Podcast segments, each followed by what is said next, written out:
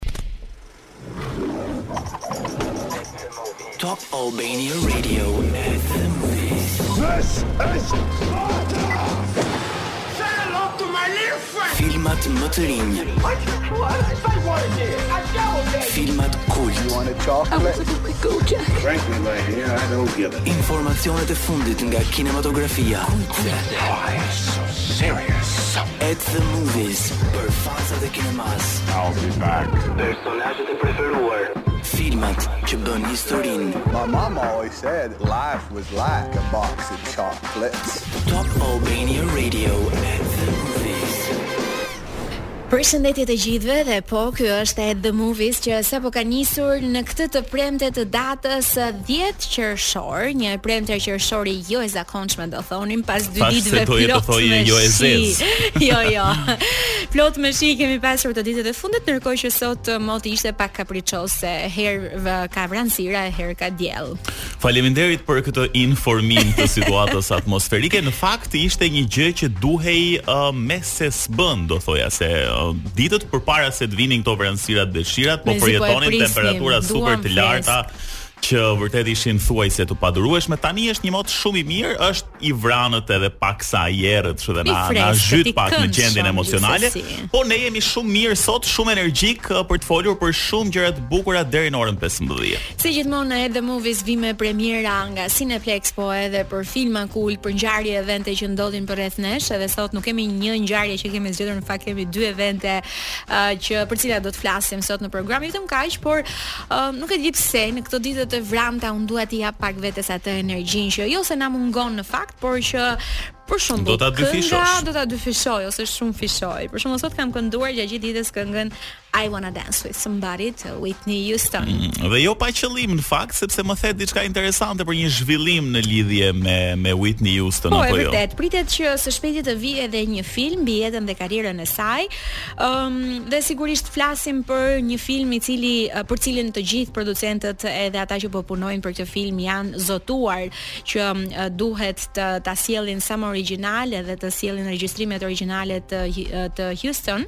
Mhm. Mm Kem, kanë thënë që kemi një mision këtu, duhet të sigurojmë që imazhi i plotë i Whitney Houston të tregohet në film që është i pasur me muzikë dhe tregon gjendjen e saj, si dhe shumë nga karakteri i saj, nga çfarë kemi parë deri më Sot. Në dhjetor të këtij viti do ta kemi filmin të gatshëm. Super, ka nisur tashmë edhe kënga jote e preferuar për ditën e sotme dhe i përshëndesim të gjithë ata që po udhëtojnë me Top Albania Radio në këto momente. Besoj që vërtet jo do t'ua dyfishojë energjinë, po do t'ua shumëfishojë. Edhe mos e lini pa kërcyer këtë këngë sepse është thjesht e mrekullueshme. All the films in one radio show. E po ju e dini tani më që të gjitha llojet e emocioneve që doni t'i përjetoni nga një film, po a doni romancë, a doni uh, filma të animuar, a doni fantazi, a, a doni, doni aventurë, aksion, uh, patatet e skuqura maksimumi në formë nachos mund të gjejmë në ndonjë gjë për të ngrënë ose nga kokoshkat Jam i uritur prandaj kur ti po thoje a doni këtë, mua më shkoi mendja direkt te ushqimi. E po unë po e po, sigurisht sepse në në ato koltuqet shumë të rehatshme të Cineplexit, patjetër që edhe mund të hash teksa shikon. Sigurisht ka njerëz që shkojnë vetëm për të ngrënë aty në fakt ndonjëherë, jo vetëm për të parë film. Por uh, ideja ishte që ne po flasim tani më për filmat që kanë ardhur në Cineplex dhe këtë javë kemi uh, një film mjaft interesant i cili nuk është i panjohur për ju, e dini shumë mirë edhe ia keni parë edhe shumë seri të tjera këtij filmi. Flasim për një film aksion aventurë fantazi Jurassic World Dominion. Po, Jurassic ose Jurassic Park, siç e njohim, sepse ai i pari është um, publikuar në vitin 1993, një vit përpara se të lindja unë, imagjino sa i lashtë është. Por um, të gjithë e mbajmë mend uh, atë serinë e parë dhe ndoshta të dytën që u bënë në 97-ën, edhe ishin vërtet të, të jashtëzakonshme. Për ne ose për mua si fëmijë, ishte hera e parë që unë përballesha, po themi me krijesat e dinosaurëve që na kanë thënë se kanë ekzistuar dikur dhe më pas u shfarosën, ndoshta uh, për shkak të një komete që goditi tokën.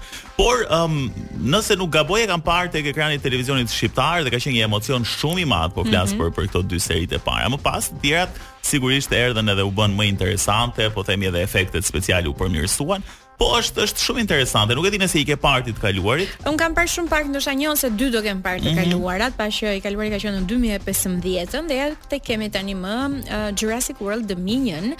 Aventura e njohur um, ka arritur tashmë në Cineplex edhe sigurisht që na ofron shumë aksion bashkë me dinozaurët më të mëdhenj dhe më të mirë, po njëkohësisht edhe të frikshëm se ndonjëherë mendon uh, wow, domethënë po sikur katastrofa të tilla të ndodhin në sensin që Pamë një film që i dedikohej pandemisë dhe pandemia ndodhi. Edhe po shohim shumë ngjarje të cilat mm -hmm. në fakt nga filmat po marrin po, jetë. Për momentin nuk kemi ose jo, nuk e dimë që kemi dinosaur. Nuk ka shanse, nuk e kam fjalën tek dinosauri. Por që nuk e dimë nëse mund të ketë uh, dikush një të fshehur. E kam fjalën për ngjarje kaq të mëdha të cilat na prekin mm -hmm. të mhm. gjithëve. Por ngjarja e kësaj pjese sjell dy brezat që bashkohen për herë të parë. Chris Pratt dhe Bryce Dallas Howard I bashkohen fitueses së çmimit Oscar, Laura Dern, Jeff Goldblum dhe Sam Neill në Jurassic World Dominion, një aventurë e re dhe befasuese që përshkon globin. Kur themi e re, flasim për aventurat e radhës që ndodhin, ëh, se ne pak a shumë e dimë se për çfarë bëhet. Po ka një lidhje ndërmjet njëra-tjetrës filmat. Nga arkitekti dhe regjisori i Jurassic World, Colin Trevorrow, Dominion zhvillohet katër vite pasi Isla Nublar është shkatërruar, dinozaurët tani jetojnë dhe gjuajnë përkrah njerëzve në të gjithë botën dhe duket që ky ekuilibër i brishtë do të riformësojë të ardhmen dhe do të përcaktojë një herë e përgjithmonë nëse qeniet njerëzore duhet ta bëjnë këtë. Pra, një jetë njerëzore e kërcënuar në po, planetin tonë. Po, edhe shumë interesante se uh, ky Jurassic World vendoset po themi në një realitet krejt tjetër ku njerëzit bashkëjetojnë me dinosaurët. Deri tani kemi parë që dinosaurët kanë qenë gjithmonë nëpër parqe ku mm -hmm. uh, turistët shkonin e i vizitonin dhe më pas ndodhte diçka që ata arratiseshin edhe krijohej po themi një lloj katastrofe, kurse këtë radhë realiteti është krejt tjetër. Tashmë njerëzit po themi janë mësuar deri diku të bashkëjetojnë me ta, por sa do të vazhdojë kjo bashkëjetesë sepse është e rrezikshme shumë. mbetet për t'u parë tek përfundimi i Unë uh, pashë vetëm trailerin në fakt dhe të them të drejtën u dridha. dhe më kujtoi pak të njëjtën ndjesi dhe të njëjtën dridhje që kam pasur dikur me filmin Piranjat, ka qenë një po, një film shumë i frikshëm, domethënë që unë dridhesha, edhe kur kam mbaruar filmin vazhdoja të dridhesha ende. Mm, edhe ka filma që vërtet të përçojnë atë. Po më ka frikësuar dhe mua dhe sa herë që futem thellë në det, më vijnë imazhe të piranjave ndërmend. Je kështu gjithë frikë. Pastaj ia mbath drejt bregut me not.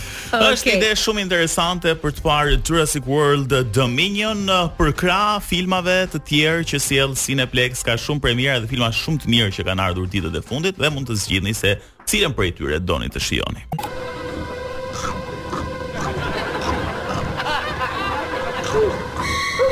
Top Albania Radio at the movies. Edhe këto siglat i kemi pak të frikshme.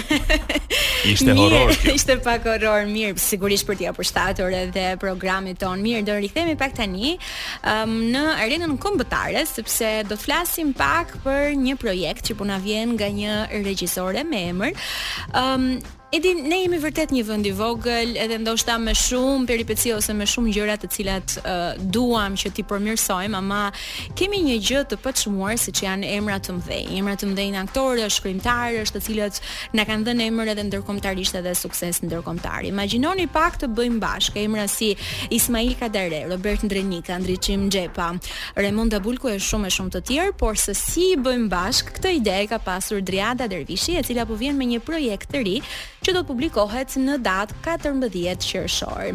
Driadën e kemi tani në lidhje telefonike sepse është si një bletë punëtore që nuk pushon edhe gjatë gjithë kohës duke punuar, është e pamundur që ta arrijmë fizikisht. E mund ta quajmë një mikeshë të emisionit. Mikeshë e emisionit tonë e cila rikthehet për disa ditë në një intervistë. Driada, përshëndetje. Përshëndetje, mirë se erdhe Driada.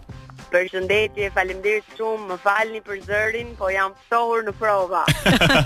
e thash ti je gjithmonë duke punuar.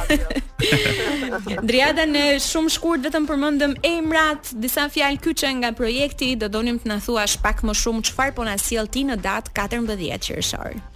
Uh, falemderit shumë për hapësirën uh, dhe falemderit që ishit nga të parët që e kuptuat se sa i veçantë dhe i rëndësishëm është ky Projekt është një projekt një cik ndryshe nga ato të tjerët që jemi mësuar me shfaqje teatri, në fakt është një CD i cili bën bashkë 14 poezitë më të zgjedhura dhe më të njohura dhe më të vlerësuara të shkrimtarit tonë të madh Ismail Kadare.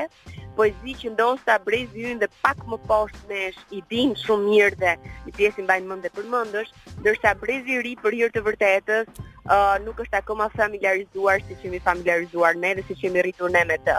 Për këtë arsye erdhi dëshira për të bërë bashkë uh, poezitë e Kadaresë për këto për brezin e ri. Nga ana tjetër, si mund të vinte Kadareja, një uh, shkrimtar që në teatr ka ardhur përmes veprave shumë të mëdha, uh, dhe gjithmonë ka qenë është marrë si një shkrimtar që shumë e vështirë ta vësh në teatr. Mm -hmm. për shumë arsye dhe atëherë uh, mendova uh, që uh, madhështisë së tij mund t'i shkojnë vetëm aktorë të mëdhenj të cilët në një farë mënyre kanë krijuar të gjithë atë historinë e kujtesës sonë kolektive, ato që kanë ndërtuar historinë e teatrit dhe të filmit me zërat e tyre të pangatërrueshëm, Dhe për këtë arsye janë 14 aktorë nga më të njohurit, të cilët secili ka nga një poezi, do thua, do thoja tepër të njohur, një poezi hit, nëse po përdor mm -hmm. Tamam. Ë dhe vijnë të gjithë bashkë në këtë CD i cili në fakt projekti nuk mbaron vetëm me CD-n, mbaron për fillon me besoj që do të fillojë këtu madje me promovimin e CD-s më 14 qershor në një vend shumë të veçantë që unë do ju sugjeroja të gjithëve ta vizitoni për t'u futur në një botë sa intriguese, aq edhe emocionuese, siç është ajo e shtëpisë Kadare, shtëpisë studio në qendër të Tiranës, ku uh, mendova që ne jemi mësuar të shohim në muze audioguida mm -hmm. me mhm. fakte historik, me gjëra të veçanta, meqë ai vetë është një muze një çik atipik, pra i vendosur në mes të shkallëve në hyrje në një pallat ku uh, Kadare ka jetuar, mm -hmm. të vijë edhe CD-ja Pra kjo audioguidë të vijë nëpërme nëpërmjet poezive dhe aktorëve të mëdhenj. Uh, ju përmendët disa, po unë do vazhdoja të përmendja uh, Timo Fllokon, Viktor Zhustin, uh, Luiza Xhuvanin, Yllka Mujon, Olta Dakun, Arben Derhemin, Zim Rudin, uh, edhe shumë të tjerë mm -hmm. she Timin edhe Bertin ju ju i përmendët. Ëh mm -hmm. uh, edhe aktorë duke vazhduar edhe brezin e ri të aktorëve Luli Bitri, Lulzim Zeqja, ëh uh, ëh uh, uh, apo Anila Bisha, Adelina Muça se tani do sa i bëra një. po janë shumë. Janë 14 ëh. Ideja është fantastike Driada, po aktorët si e pritën këtë këtë ide? Kam përshtypjen që edhe ata në një farë mënyre janë janë gëzuar ë, sepse do jetë një privilegj, po themi që që të kenë në repertorin e tyre ca poezi të bukura për qejfin e tyre të të Kadaresë. Të siguroj që një pjesë e mirë e tyre i dinin poezitë përmendësh, mm -hmm. uh, ishte, dhe ishin poezi që ato në mos në një mbrëmje poetike në një moment tjetër i kanë uh, interpretuar, uh, pavarësisht po flasim më shumë për një pavarësisht kësaj, unë them që po flasim për një brez, pra për brezin 50 e sipër të cilët jetonin duke pritur çfarë do botonte Kadareja. Mm -hmm. Njerëz që shkonin në shtypshkronjë madje një pjesë prej tyre dhe këtë ma ka thënë Yllka Mujo, që sapo dilte madje dorëshkrimi ende pa u shtypur e merrnin dhe lexonin atë që ai pra ishte një lloj uh, energjie dhe një dritë që ata merrnin që i çonte një çik larg edhe jashtë asaj mbylljeje të fortë që ka pas Shqipëria. Kështu që për këtë arsye ky brez e ka jo vetëm për zemër, por por edhe shumë të ndjera të gjithë tekstet edhe poezitë e Kadaresë. Brezi i ri sigurisht që vjen me një tjetër qasje, po kjo mendoj e bën shumë interesante të gjithën këtë.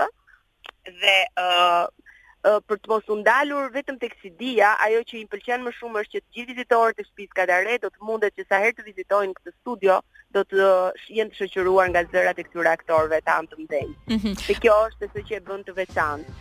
Ë uh, uh, nga ana tjetër, e gjitha do të bëhet në një performancë poetike. Mhm. Mm ku nuk do të jenë të gjithë aktorët, do të jenë vetëm 7 prej aktorëve, ë uh, e cila përmban dhe prozë të Kadaresë, dhe do jetë një udhëtim nëpër dhomat e tij nëpërmjet fjalës së tij duke krijuar skena të ndryshme, etyde të ndryshme, ku unë mendoj që Këtu poezia do të bashkohet edhe me tingullin dhe për këtë jam shumë e kënaqur që kam tre muzikantë, uh, flaut uh, flautisja që vjen nga nga Italia për këtë projekt Aorsa Dervishi, uh, Kristina Isi është balerinë, uh, Erinda Agolli, një këngëtare soprano e mrekullueshme që unë ju ftoj të vini vetëm për ta dëgjuar atë Atë vajzë, çfarë zëri bukur ka dhe kitarë Arbër Qeri, uh, ku duhet thënë që një pjesë e mirë e muzikës është kompozuar nga Hajg Zaharian, dy pjesë janë pothuajse pothuajse premierë, uh, ndërsa për muzikën e diskut është marrë kompozitori tjetër i njohur Endri Sina dhe jam shumë mirënjohëse për këtë bashkëpunim Mm -hmm. I menduar, i menduar deri në detaje projekti. Shumë i bukur. Tani na thuaj a a do të kemi autorë të tjerë të cilët do të vijnë në këtë formë? Uh, për hir të vërtetës, më pëlqen shumë kjo se të gjithë më kanë thënë po pastaj. Unë kemi aty në shtëpinë Kadare lart ndërkohë po ndërtohet muzeu i Dritëro Agollit. Mm -hmm. Dhe do doja shumë që vitin tjetër të ishte një kolanë për Dritëroin, uh, absolutisht uh, do doja shumë që mbas Dritëroit të jetë uh, Teodor Keko, uh, për të mos uh, harruar një aktor shumë të mirë, por që është dhe një poet i jashtëzakonshëm si Timo Flloko, mm -hmm. dhe sigurisht e dini shumë mirë atë qasjen time ndaj penës femërore, dhe do doja shumë të bënim një CD me një antologji të poeteshave uh, shqiptare. Po besoj për të pasur ndoshta në fund një kolanë të plotë, një uh, po themi edition selected me të gjithë këto poezi kaq të bukura. Edhe shpresoj shumë që të jetë diçka që të të motivojë e para për të vizituar muze të ndryshëm, por nga ana tjetër edhe për këtë kohën shpe, e shpejtë që rrjedh dhe që s'kemi asnjëherë mm -hmm. kohë mhm. për t'u ulur për ata që nuk ulen dot të lexojnë. Ashtu si të ndjekin në radio, edhe dëgjojnë muzikë, të dëgjojnë poezi të mirë, sepse dhe ajo ndikon jashtë mase në atë që ne përpiqemi gjatë gjithë kohës për atë që ne jemi. Driada, po të kishim qenë në një sallë, unë do të kisha duartrokitur pareshtje për këto punë kaq të mira që ti na sjell, ashtu sikurse të duartrokas në uh, sallat e teatrit për veprat e tua. Shumë faleminderit edhe do do jemi atje vërtet për ta shijuar të gjithë këtë, këtë ide të bukur e për të ah, folur sërish për të. Mund ta them madje që uh, enkas për të uh, për të pasur të gjithë gazetarët e kulturës, të gjithë ato që e promovojnë dhe ndjekin artin e mirë dhe cilësor, uh, do të jetë një para performancë në orën 7 e gjysëm, kështu që gjithë gazetarët e kulturës t'i ftoj në orën 7 e gjysëm atje dhe më pas në 21 do të jetë për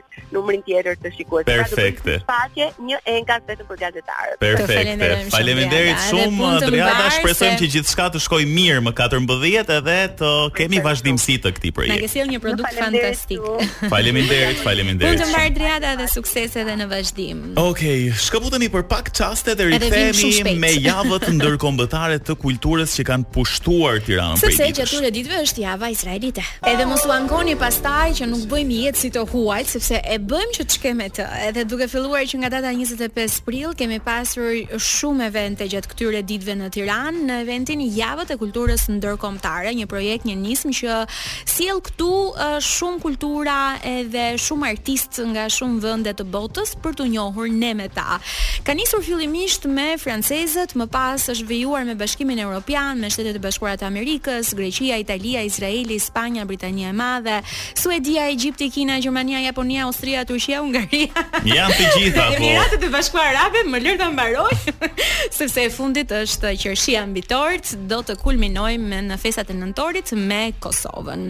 Edhe për të folur për këtë, ne kemi në studio një prej um, koordinatoreve të, um, mm -hmm. të këtij projekti, po themi.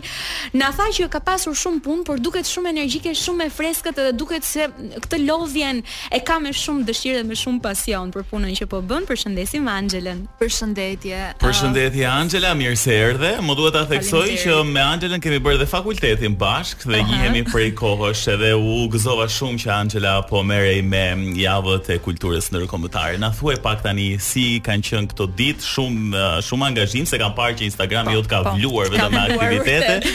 Edhe si si kanë shkuar këto ditë.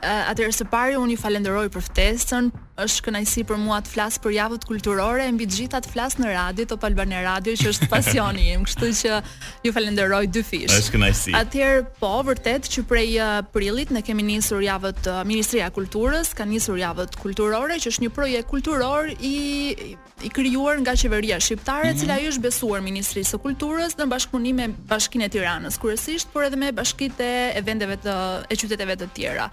Ë uh, është një projekt i cili mendohet të të zgjasë deri në nëntor, mm -hmm. siç e the ti do me qershinë mbi tortë do mbyllet me Kosovën për në datat e festave tona kombëtare, kështu që do jetë një festim i përbashkët. Ëm, mm -hmm. atëherë motoja kryesore që i ka udhëhequr javët kulturore dhe do të vijojë t'i udhëheqë është Shqipëria mikpret botën. Është është ajo ne si shqiptarë e dimë që mikpritja është ideali më i shenjtë i shqiptarit, kështu që mm -hmm. mikpritja do të jetë kryefjala e të gjitha javëve. Mjafton të të përmend për shembull ëm në mendësinë e shqiptarit, qoftë edhe në kanun, ë uh, thuhet që shtëpia e e shqiptarit është e Zotit dhe e mikut, kështu që miku barazohet me me Zotin. Mm, shumë e shenjtë. Ndaj uh, java javët kulturore do të jenë do të do të duan që të japin prioritet këtij ideali, pra që Shqipëria është është një vend mikpritës, është një vend i vogël, ama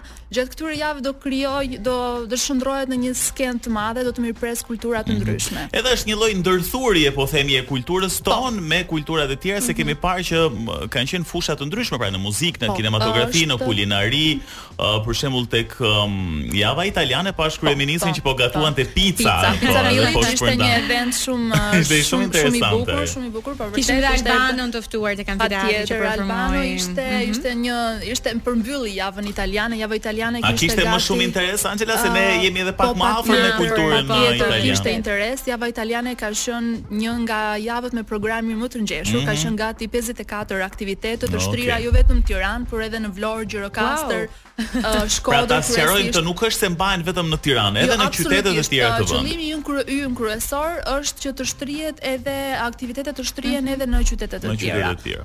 Sigurisht që ambasadat janë ato që vendosin se cilat uh, qytete mund të jenë që duan patjetër të zhvillojnë atje, mm -hmm. por mhm. jemi dhe ne që uh, i sugjerojmë po. vazhdimisht që për shembull mund të jetë Vlora, mund të jetë Korça, mund të jetë Gjirokastra. Mm -hmm. Ndoshta bazuar edhe pak uh, me afrimitetin e javës që po zhvillohet. Për sa i përket Albanos, Albano e ndezi skenën e amfiteatrit, ishte Ishte një një mrekulli e vërtetë. Njerëzit e, e kërkuan vazhdim, e kërkonin, në pasi u largua, e kërkuan sërish në skenë që të këndonte sepse nuk ngopeshin me praninë e tij. Jan janë uh, rritur me me me muzikën e tij, kështu që kishte nga grupmosha nga më të ndryshme dhe aty mm -hmm. e mhm. kupton se se gjithë kjo puna jonë uh, e madhe është një staf i tërë, merr vlerë, merr vlerë edhe kupton që okay, Po lodhen, po por lodhen për një gjë të mhm. bukur. Mm -hmm. Ne ne kemi shumë qejf filmat, se jemi edhe po. movies, edhe janë shfaqur shumë filma në këto javë, sigurisht bazuar tek shtetet përkatëse. Na fol pak për programin e filmave, nuk e di çfarë um, filmash janë shfaqur. Besoj një pjesë e tyre janë shfaqur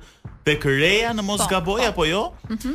Atëherë, uh, një nga pikat kryesore ne thamë që është është një projekt kulturor, por një projekt kulturor që ka si synim që nën ombrellën e kulturës të të krijojë dialog edhe me disiplina të tjera, siç është kinematografia, mm -hmm. mund të jenë teknologjia, sporti. Sot për shembull kemi ndeshjen Shqipëri Izrael që është po tani përkon me javën tani më shkoi mendja. Po vërtet me javën izraelite. Po, po, po. Kështu që edhe filmat zënë një mm, një vend kryesor, është e pamundur që programi të mos ketë 4 deri në 5 filma që mund të mund kryesisht ne kemi proceduar me transmetime tek tek Reja. Reja është ka publikun e vet, ka ka persona që e ndjekin vazhdimisht edhe është gjithmonë është i mirëpret njerëzit. Mm -hmm. Por kemi dashur gjithashtu që edhe teatrove të, të qyteteve të Korçës, të Shkodrës t'u japim zë, mm -hmm. edhe të Gjirokastrës gjithashtu. Mm -hmm. gjithashtu. Kështu që i kemi disa filma janë shfaqur këtu në Tiranë, por janë shfaqur edhe në Korçë, në Shkodër, Java italiane, për shembull, kishte si karakteristikë shfaqjen e dokumentareve, dokumentarë që mund të kishin lidhje mar për marrëdhënien Shqipëri-Itali. Po. Kështu mhm. që ishte diçka e bukur fakti që u shfaq në një dokumentar u shfaq në oborrin e familjes Ilaria, në Shkodër. Pra është është sërish ajo mikpritja e cila bëhet kryefjala një një oborri, një familje hap mhm. derën dhe mirëpret.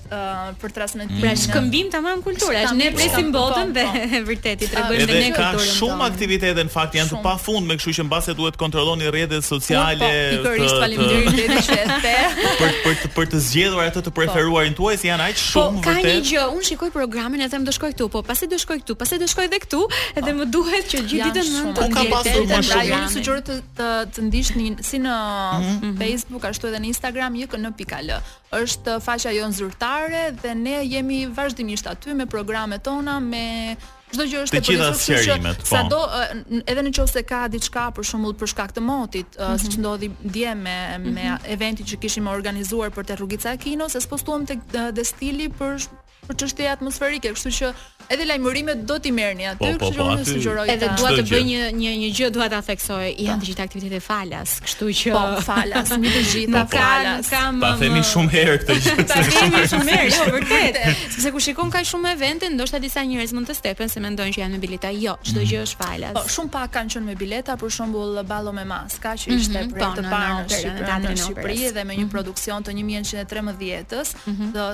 të ristrukturuar nga Teatri Reggio di Parma, ajo është mm -hmm. një një perlë më vete, kështu që Ndërkohë edhe mbrëm kishte po ashtu një tjetër uh, uh, gjatë gjithë kohës, gjatë gjithë mhm. kohës ka ka okay. shfaqje, mbrëm kanë qenë edhe tek ka qenë baleti i Monger baleti, për po. uh, javën mm -hmm. kulturore izraelite, i cili ishte në datë 8 9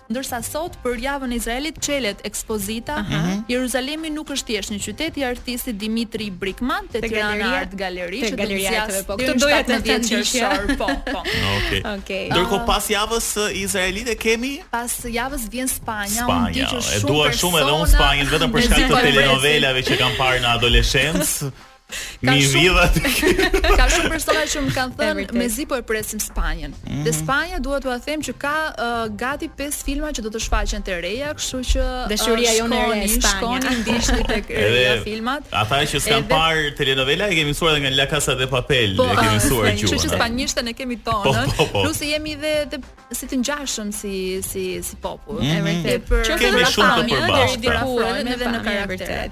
Ë uh, tek Spanja mm -hmm. do të veçoja shumë kemi koncertin flamenko. Do të zhvillohet si në okay. Tiranë edhe në Gjirokastër. Kështu që edhe flamenko nuk është uh, duhet patjetër ta ndiqni mos e humbisni. Okej. okay. Kështu që janë janë zgjidhje dhe zgjedhje të po. pafundme vërtet. Të padiskutueshme. Ajo çka kemi dashur mhm. tjetër është që të të, të organizojmë edhe e workshope për shembull mm -hmm. apo piktura murale do të vijë një artist Carlos Alvarez i cili do të bëjë një pikturë murale ai është një një artist që luan me shumë ngjyra dhe kemi zgjedhur të bëjmë një një pikturë të brendshme pra në një mhm. vend mm -hmm. uh, specifik që do të jepte do të jepte vlerë uh, emrit të tij por edhe ai do të luajë pak edhe me Tirana Youth Capital për të kremtuar okay. edhe Tirana kryeqytet të rinisë. Dhe mbase do do do mbesi si shenjë e gjithë kjo po. vepra e tij. Kjo është një gjë që do vazhdoj, e keni menduar ta ktheni në traditë? A është menduar të kthehet në traditë? Okay. Uh, më për më tepër do duhet të presim, por uh, është menduar të të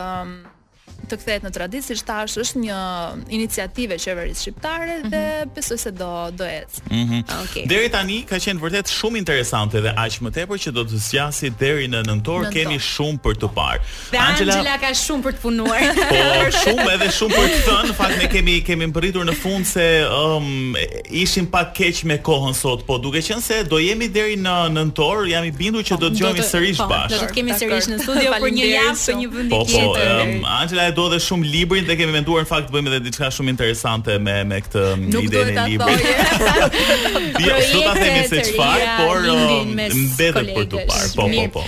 Shpejt e shpejt fituesin e kuizit nëse mund të na. Është Bora, direkt do ja. Bora, okay, Bora, vis poshtë gjë.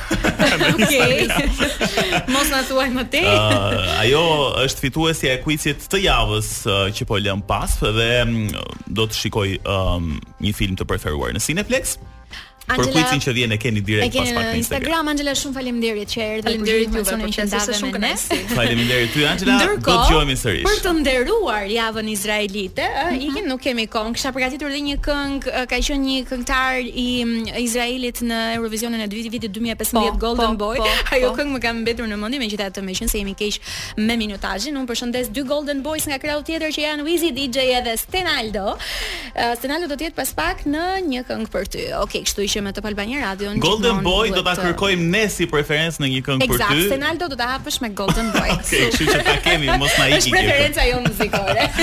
Mirë, okay. okay. Edhe mund të si përshëndet tu. Faleminderit që qëndruat me ne, të premten bashkë.